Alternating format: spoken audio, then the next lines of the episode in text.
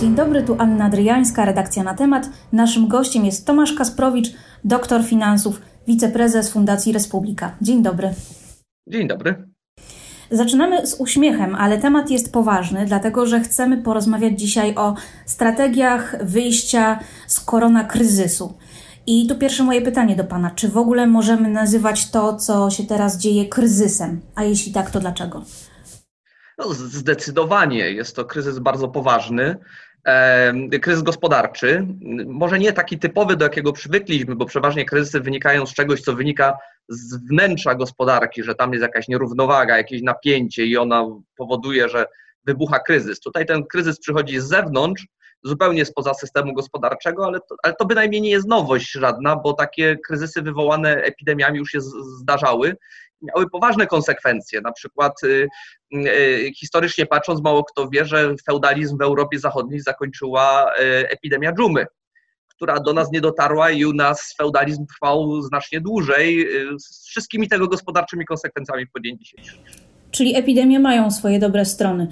E, ale na razie w koronawirusie widzimy tylko złe, czyli oprócz.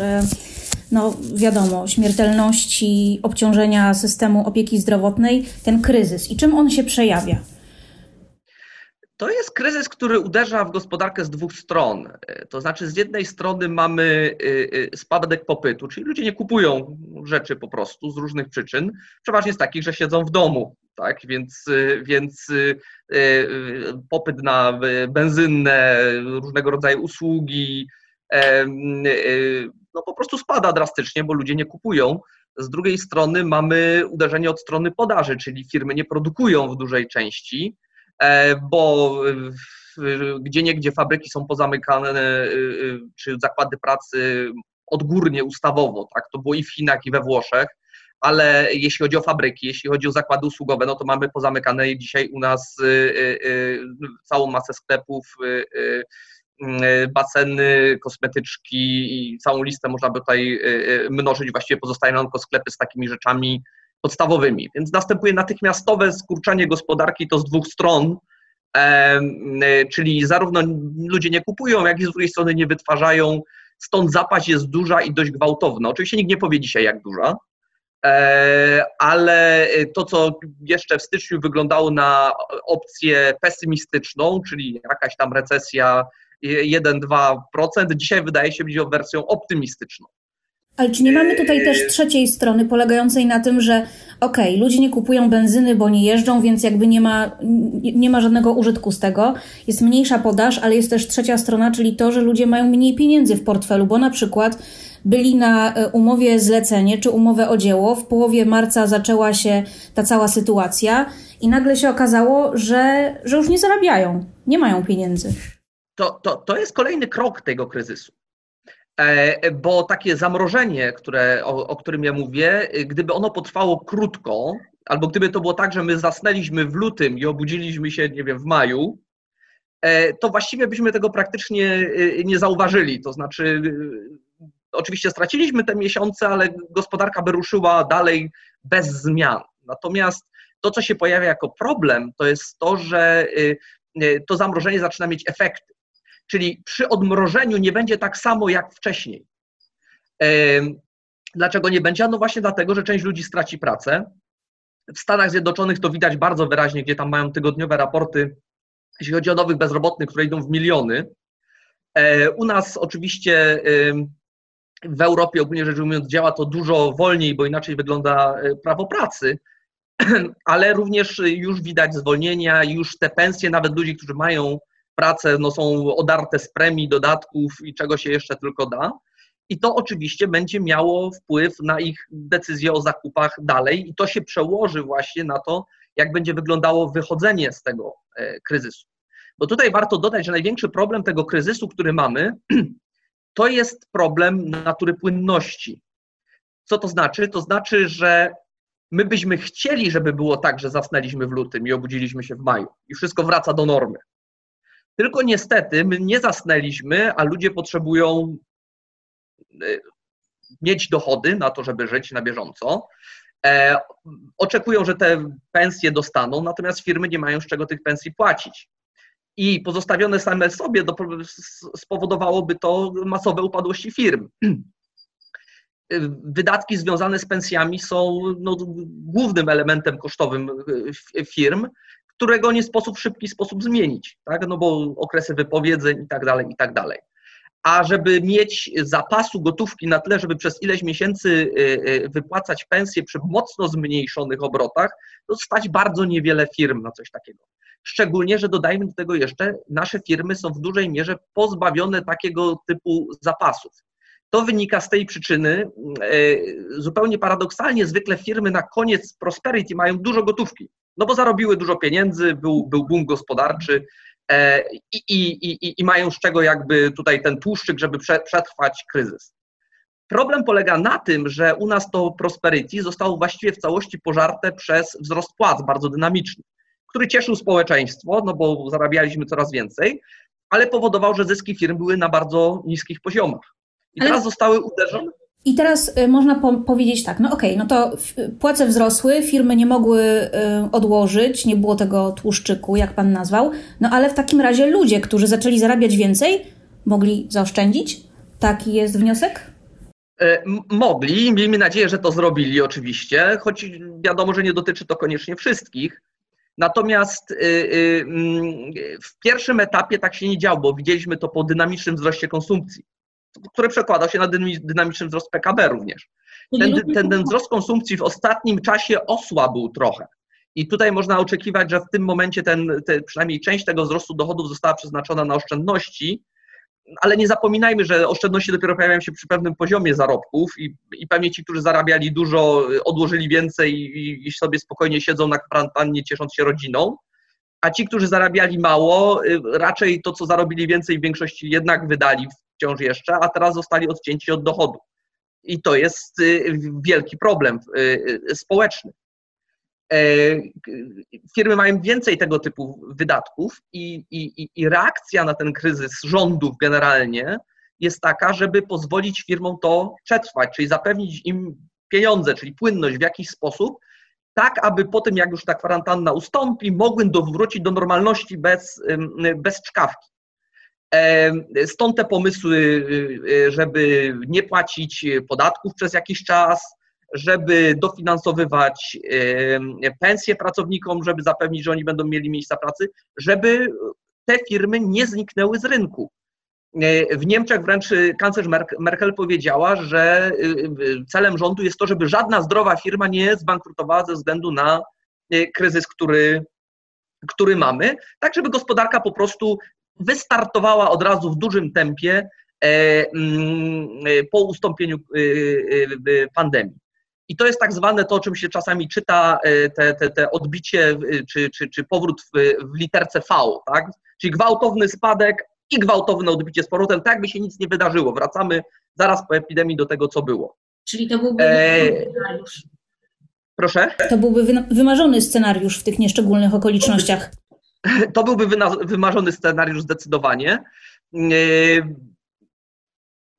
czy on jest do zrealizowania? E, trudno powiedzieć. E, coraz bardziej wydaje się, że chyba nie. Ale zobaczymy, co, co się wydarzy. Tutaj mamy tak naprawdę do czynienia z wydarzeniem no, w nowożytnej naszej tutaj historii bez precedensu i co się, co, co, jak to dalej się rozwinie, trudno powiedzieć, szczególnie, że wciąż tak niezbyt dużo wiemy o samej tej chorobie i nie wiemy, czy, czy ona będzie nawracać, czy uda się opanować, w jakim tempie się uda opanować, bo Mm, e, e, no tutaj właściwie de facto czekamy e, szczepionki, która by nam załatwiła problem. Ale czy taką szczepionkę uda się opracować szybko? Tak? Pamiętajmy, że nad szczepionką na HIV pracuje się już lat 30 i końca do końca nie widać. No to powiało optymizmem. powiało, optym, powiało optymizmem. Chociaż jak wiemy, no, poszły bardzo duże pieniądze na to, żeby, żeby ta szczepionka się pojawiła. Wiemy teraz na chwilę obecną, że na świecie testowanych jest 30 różnych szczepionek mm, y, na, na, na, na ten szczep koronawirusa, no i trzeba mieć nadzieję, że któraś z nich albo kilka z nich y, okażą się skuteczne. Ale nie miejmy wątpliwości, to nie jest tak, że szczepionkę dostaniemy za tydzień czy za dwa. Proces przygotowywania szczepionki jej badania to są, no, można liczyć w latach. Tak? Optymistyczny scenariusz to jest półtora roku na szczepionkę, co z naszego punktu widzenia to jest długo. No ale szczepionki muszą być bardzo bezpieczne, bo są bardzo szeroko stosowane i dlatego muszą być tak gwałtownie, tak, tak szeroko badane. Mhm. No właśnie, i e, rozmawiamy o tej szczepionce. Niektórzy mówią, że będzie we wrześniu. To Uniwersytet w Oksfordzie jest taki optymistyczny, inni mówią, że za pół roku, nawet za rok. no a w tym czasie trwa lockdown. Um, I teraz ma Pani jakieś przewidywania, jak, ten, jak długo ten lockdown e, może potrwać i jak długo będziemy z niego wychodzić? Z tego zamknięcia wszystkiego, praktycznie wszystkiego. E, ten pierwszy lockdown, który mamy teraz, e, e, widać, e, przynajmniej jeśli chodzi o decyzje polityczne w ostatnim czasie, o, o tym, że będzie powoli rozmrażany, tak? czyli będziemy z niego wychodzić do maja, pewnie jeszcze w maju, jakimiś tam kroczkami drobnymi, no bo będzie tutaj trochę problem polega na tym, że jak się podejmie jakąś decyzję błędną w zakresie, że rozmrożono czegoś, czego rozmrozić się nie powinno było, to efekty tego błędu widać dopiero po półtora tygodnia. To długo. I korekta takiej, takiej złej decyzji zajmuje dość sporo czasu. Więc pewnie możemy się spodziewać czegoś krok po kroku. E, e, od takich rzeczy, które się wydają być mniej zagrażające, pewnie skończywszy na szkołach, e, dlatego że mm, co prawda dzieciom wirus nie zagraża w dużej mierze, natomiast przede wszystkim dzieci i młodzież go roznoszą. I to jest tutaj największy problem. Y, y, większym problemem jest to, że jeśli my ten lockdown, czy kiedy ten lockdown po, po, poluzujemy, to nie jest tak, że epidemia została opanowana i jej nie ma, ona po prostu uderzy jeszcze raz z największym prawdopodobieństwem i niewykluczone, że za miesiąc, dwa, trzy będziemy mieli kolejny lockdown. I to jest scenariusz taki, który, mm, który y, powoduje, że nie mamy jednego V, tylko nam się zaczyna robić tych V wiele, a może te V przez V tylko zaczną być takim U, że to wychodzenie będzie trwało dłużej, a może jeszcze, myślałam, że mój przez chwilę, bo ja mam takiego samego. Mój. Oczywiście, bohaterka drugiego planu musiała się pojawić. tak jest. Um, znam to doskonale. Um, o lockdownie drugim.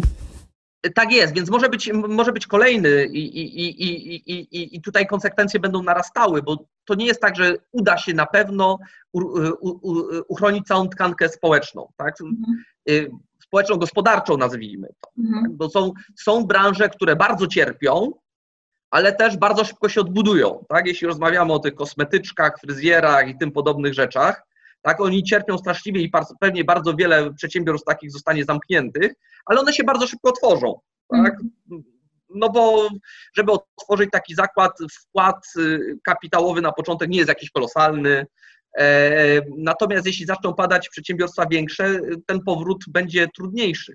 A im dłużej ten lockdown będzie trwał, im więcej ich będzie, tych lockdownów, tym więcej takich firm upadnie, no i tym większe uderzenie w naszą gospodarkę. A problem polega trochę też na tym, że mm, nasze możliwości y, y, wspierania, nazwijmy to, przedsiębiorców y, z niemieckimi nijak się nie porównują.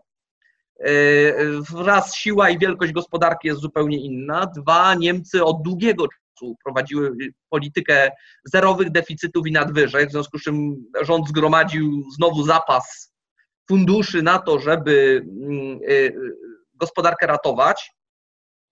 U nas natomiast y, no, te, ten okres y, prosperity został wykorzystany na to, żeby rozbudowywać programy socjalne, no i budżet został bez tego typu poduszki. No Ale zaraz, zaraz, zaraz, bo w styczniu czy lutym słyszałam premiera z mównicy sejmowej, jak mówił, że mamy zrównoważony budżet. To to nie jest to samo? E, nie, że mamy mieć zrównoważony budżet, mhm. E, to pierwsza rzecz. Na ten rok to już wiem, że nie będzie zrównoważony, ale to powiedzmy nie, nie wina premiera, że uderzyła w mhm. nas e, pandemia. Druga, on był zrównoważony dzięki szeregowi A zbiegów okoliczności i B sztuczek księgowych. C, nasi sąsiedzi od kilku ładnych lat mają nadwyżki, a my się chwalimy, że w końcu mamy no. zrównoważony budżet, czyli się dalej nie zadłużamy. Okay. E, więc więc nie, nie, jest to porównywalne e, w zupełności. Więc to, co zostało rządowi, to z jednej strony dość gwałtowne zadłużanie się, co, co, co następuje, a z drugiej strony zaangażowanie tak naprawdę w dużej mierze do programu pomocowego NBP. E, czyli tłumacząc z polskiego na nasze, z wydrukowanych świeżo pieniędzy, które NBP właśnie wpuszcza w obieg, żeby było z czego tym firmom pomagać. Cała ta, ta, ta trzecia fala anty, tarczy antykryzysowej wynika z niczego innego, jak tego właśnie, że e, e, PFR Y, y, dostanie, wyemituje obligacje, i, i, i, które kupi NBP, czyli tak naprawdę dostanie świeżo wydrukowane pieniądze z NBP. Zaraz, zaraz. Nawet mnie to pachnie inflacją. I to tak dosyć mocno. Czy to jest dobra intuicja? Dodrukowywanie pieniędzy, inflacja. Dobrze pachnie. Na ile ta inflacja się pojawi, jest inną kwestią, no bo w kryzysie przeważnie inflacja jest zduszona. Więc, y, więc te dwie rzeczy się mogą do pewnego stopnia znieść na początku. Mhm. W dłuższym terminie oczywiście się to przełoży na inflację. Jak dużo, trudno powiedzieć. Wszystko zależy od tego, jak się będzie, jak, jak, jak się to będzie przynosić te pieniądze na gospodarkę realną. Ja powiem tak, oczywiście jest to działanie bardzo niestandardowe. E, w bieżącej sytuacji, biorąc pod uwagę konsekwencje ja bym nawet go bardzo mocno nie krytykował, no bo jesteśmy pod ścianą i bycie pod ścianą e, do być może pewnych drastycznych e, działań nas przekonuje. To, co mnie niepokoi w tym działaniu najbardziej, to jest to, że jeśli się raz zerwie z tabu, to później politykom do takich rozwiązań sięgać coraz łatwiej. Czyli... I o ile w chwili obecnej jakieś usprawiedliwienie tutaj jest, o tyle ja się obawiam, że dalej to będzie wyglądało w sposób dużo mniej kontrolowany na przyszłość. Jasne, ale cały czas mówimy o tej płynności, o przedsiębiorstwach, e, a gdzie są ludzie? Ja wiem, że Pan powie zaraz, że przedsiębiorcy to przecież też ludzie i ich pracownicy to też ludzie, ale jednak już sporo osób straciło pracę, zwłaszcza tych na umowach zlecenie nazywanych śmieciówkami. Po prostu z dnia na dzień e, okazało ale się. Proszę mnie nie obrażać. okazało się, że restauracje są zamknięte, e, ich lokale usługowe nie działają i ci ludzie E, jakby no, trudno przypuszczać, żeby mogli skorzystać na pomocy dla przedsiębiorstw, skoro już są zwolnieni. Co z nimi? E, tak, e, znaczy jakby pierwszym krokiem, znowu dość słusznym, było próba zachowania miejsc pracy tak, jak one mają miejsce, na tyle, na ile się da. Dlatego ta pomoc dla przedsiębiorstw, już nie chcę mówić przedsiębiorców, nazwijmy to przedsiębiorstw. E, po to, żeby nie redukowały zatrudnienia. Zresztą w wielu tych programach pomocowych e, warunkiem e, uzyskania jest utrzymanie zatrudnienia, tak żeby tych osób, którym trzeba pomagać poza, było mniej. No też ze strony lewicy się słyszy czasami takie powiedzenie, dlaczego tutaj pomagacie przedsiębiorcom, to trzeba ludziom pomagać, a nie oni podatku nie płacić, i tak dalej, i tak dalej, i tak dalej. Tylko trzeba mieć świadomość, że jakby się nie pomogło przedsiębiorcom, to zaraz właśnie by trzeba było wypłacać e, dokładnie te same pieniądze, jeśli nie większe, w postaci zasiłków dla bezrobotnych i to przez dłuższy okres czasu, e, niż to, co jest planowane dla przedsiębiorców. Ale oczywiście fala zwolnień idzie i e, no, tutaj mamy jakiś problem z naszymi zabezpieczeniami społecznymi w przypadku zasiłków dla bezrobotnych i tym podobnych rzeczy no tutaj pomysły są różne i, i, i, pojawiają się pomysły na czas pandemii dochodu gwarantowanego, tak, żeby każda osoba dostawała na życie pieniądze. E, problem polega na tym, że oczywiście na to pieniędzy ma, bo to już rozmawiamy o kwotach zupełnie nieporównywalnych nawet przy tych wszystkich tarczach podatkowych. Tak? No i teraz sobie łatwo wyobrazić, że jeśli tyle dodrukuje NBP, bo tak to zawsze można zrobić, drukarki mamy nowe, także wydajne, E, to, to, to, to inflacja będzie niewątpliwie poza kontrolą, bardzo szybko. Rzeczywiście trzeba się zastanowić. Ja, ja osobiście muszę zaprotestować przeciwko nazywaniu umów cywilnoprawnych umowami świeciowymi. E, e, używam takich umów jako zatrudniony od bardzo, bardzo dawna i, i, nie uważam, żeby moja praca była w związku z tym śmieciowa albo mogła być w jakiś sposób taki określana. Nie, nie, to nie ale oczywiście elementem kontraktu. E, tak, dokładnie. No, kontrakty menedżerskie to też są e, e, w, tej, w tym kontekście umowy śmieciowe. No, walczę, z tym, walczę z tym stwierdzeniem, kiedy ja mogę. Ale tutaj jest kwestia semantyki, a mówimy o ludziach, którzy w połowie marca zostali nagle bez pracy, bez dochodów i z perspektywą taką, że za dwa miesiące okaże się, że nie mają gdzie mieszkać, bo nie mają z czego zapłacić czynszu, a byli na umowie zlecenie. Tak jest. I to jest, to jest gigantyczny problem. Y, niewątpliwie problem y, polityki społecznej. Y, jakimś elementem, który się zaczął, ale nie do końca widzimy kontynuację, to jest negocjacje z bankami, żeby odpuściły kwestie kredytów na przynajmniej kilka miesięcy, przesunęły je. E, no z tego, co ja wiem z nasłuchu, z nasłuchu różne banki różnie do tego podchodzą i, i można to zrobić łatwiej albo trudniej, ale to jest duży problem zarówno dla przedsiębiorców, jak i dla, dla zwykłych ludzi, którzy mają najczęściej kredyty hipoteczne. E, problem bezrobocia niewątpliwie do nas wraca. E, tak jak mówiłem wcześniej, firmy i przed pandemią duża część firm była już w kłopotach, mimo tego, że mieliśmy prosperity. I te, te, te, ta pandemia przyspieszy pewne procesy upadku dużej części polskich małych firm, które działały na granicy wydolności przy tym poziomie płac, a teraz już nie będą w stanie działać.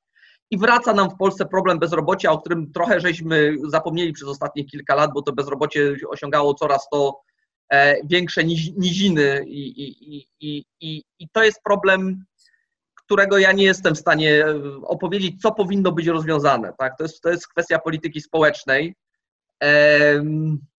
tak jak mówię, pomysły są różne, od zwiększenia zasiłków dla bezrobotnych, rozszerzenia katalogu osób, osób dla których te zasiłki przysługują, czy wręcz różnego rodzaju e, programów typu 500, to znaczy każdy dostaje na głowę jakieś tam pieniądze, żeby przeżyć. E, w Europie, tak jak mówiłem, tym, tym problemem prze, przejmują się ludzie jakby bardziej e, politycy. W Stanach Zjednoczonych, tak jak mówiłem, poziom bezrobocia rośnie drastycznie tam się nikt tym nie przejmuje i ludzie mają sobie radzić. Wszystko zależy od tego tutaj, kiedy, kiedy wyjdziemy z tego pierwszego lockdownu. Jeśli rzeczywiście zaczniemy wychodzić, tak jak minister Szumowski mówi, za tydzień, to pewnie się to jakoś rozejdzie po kościach i ci ludzie z tych, z tych y, pensji, może odroczo, z tych oszczędności być może odroczonych rat jakoś sobie poradzą przy pomocy e, e, rodziny. No bo jedno czy dwumiesięczne bezrobocie to jeszcze nie jest y, y, drastyczny problem. My pamiętamy z lat 90. ludzi, którzy latami szukali pracy. I no, to nie tak. był przypadek taki, że ktoś nie chciał pracować, nie miał kompetencji, tylko po prostu żadnej pracy nie było. Znowu, jeżeli y, to odbicie będzie szybkie, to myślę, że ten problem się jakoś rozwiąże. Oczywiście wszyscy to odczują. E, I, i, i zarówno po stronie popytowej, jak i poziomu życia i tak dalej ale to będzie coś, z czym można żyć. Jeżeli to się będzie przeciągało i to bezrobocie na wysokim poziomie się będzie utrzymywać, no to zapewne będziemy się mogli spodziewać jakichś, jakichś programów społecznych, yy, mających przede wszystkim na celu aktywizację tych, tych osób. Proszę nie zapominać, że to, co przechodzimy w tej chwili, nakłada nam się na kryzys demograficzny, który mamy w Polsce. Tak, więc, yy, więc my sobie nie do końca możemy pozwolić na to, żeby ludzie nie pracowali i jeśli się pojawią takie, takie mm, programy, mam nadzieję, że to będą programy aktywizujące e, w zakresie, e, w zakresie powrotu do pracy, jeśli się ta praca pojawi.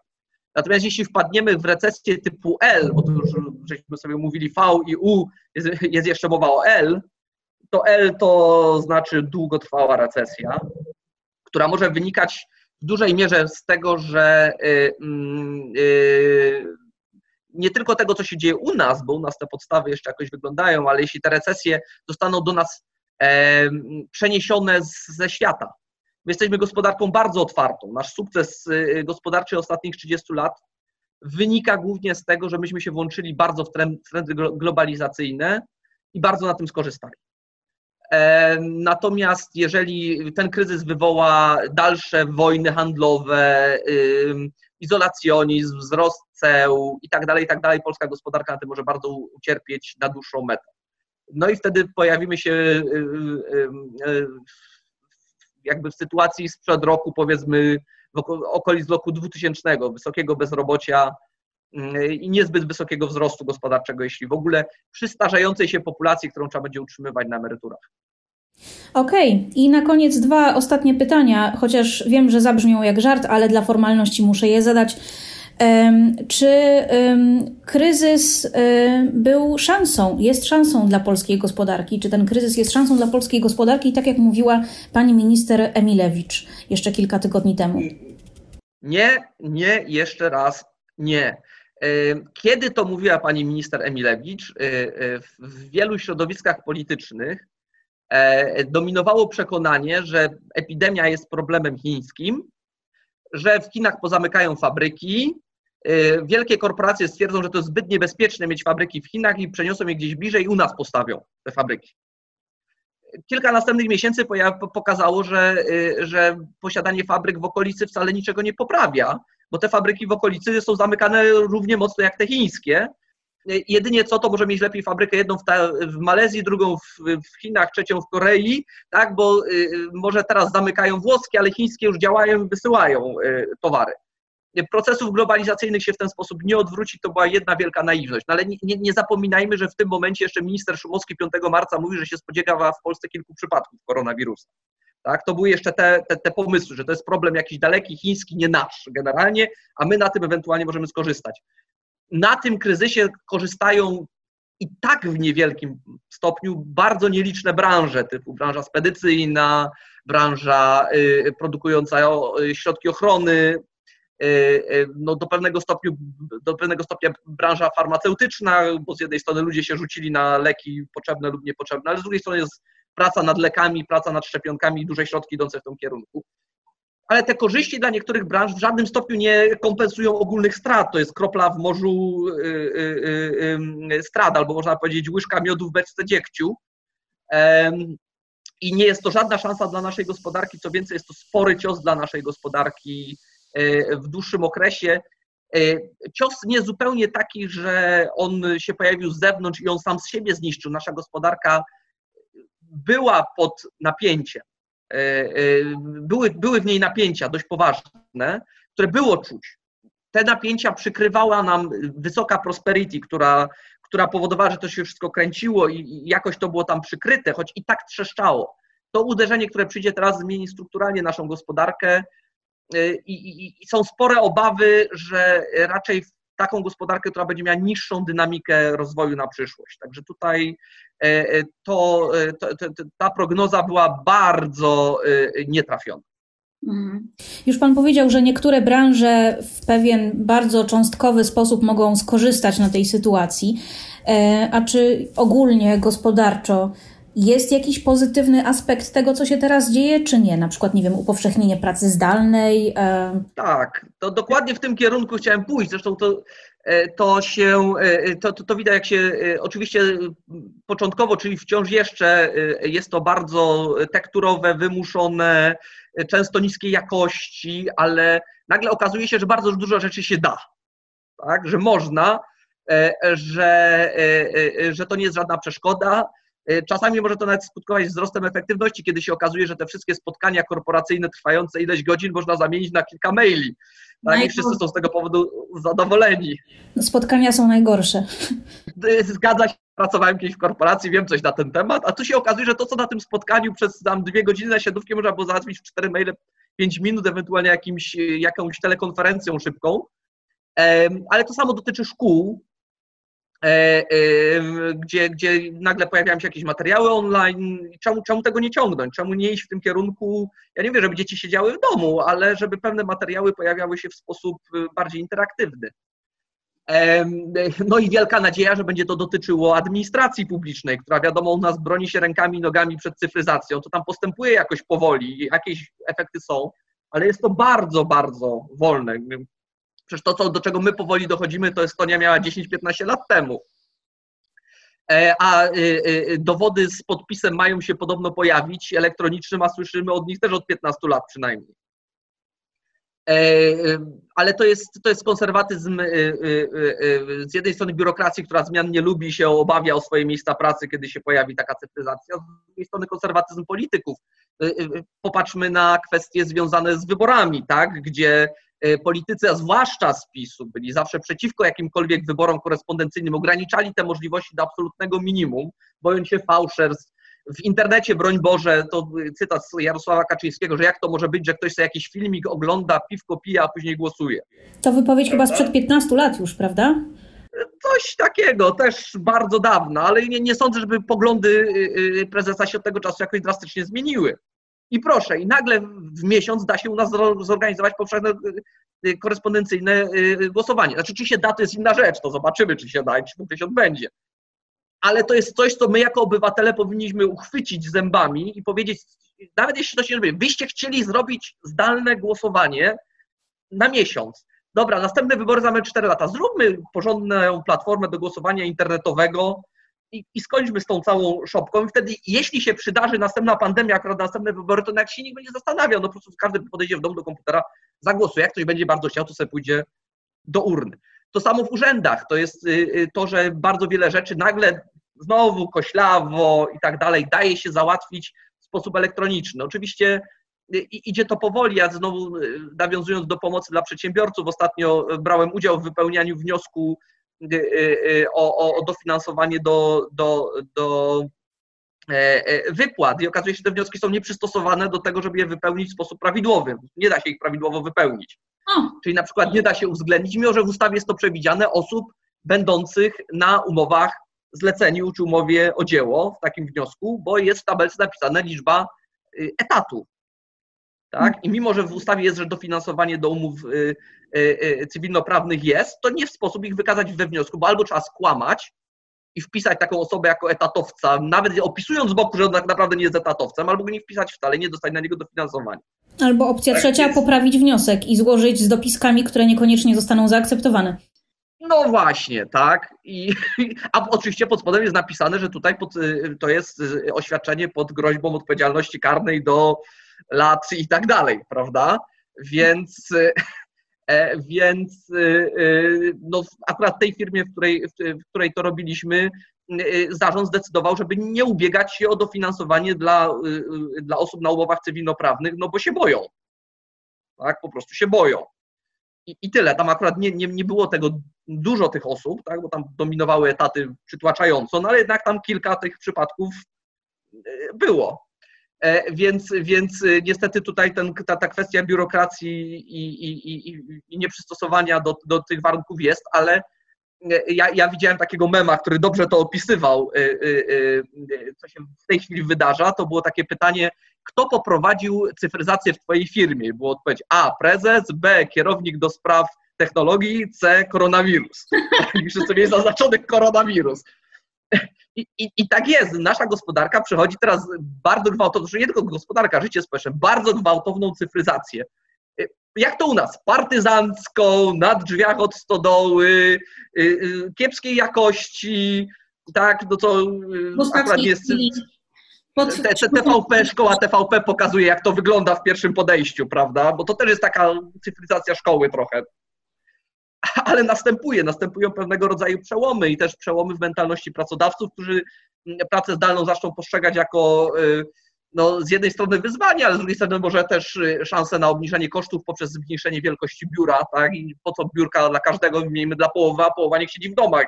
I rotacyjnie to po prostu to jakoś zmieniajmy.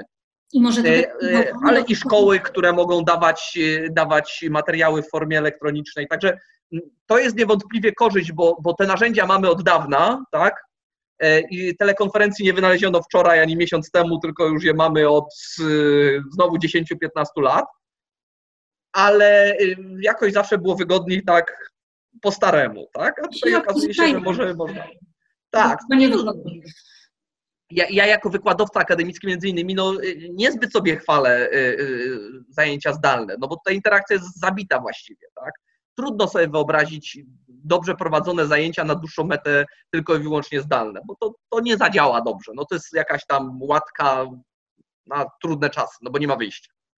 Ale, ale jednak w wielu, bardzo wielu miejscach można by i może teraz się okaże, że w końcu się, w końcu się będzie dało o ile tego nie odpuścimy, bo oczywiście wiadomo, że rzeczywistość ma e, e, taką, e, jest jak ciastolina, tak? Czyli my ją próbujemy, a ona z powrotem wraca do swojej oryginalnej kształtu. Musimy przypilnować, żeby te zdobycze koronawirusa pozytywne, choć nieliczne, udało się utrzymać na dłużej.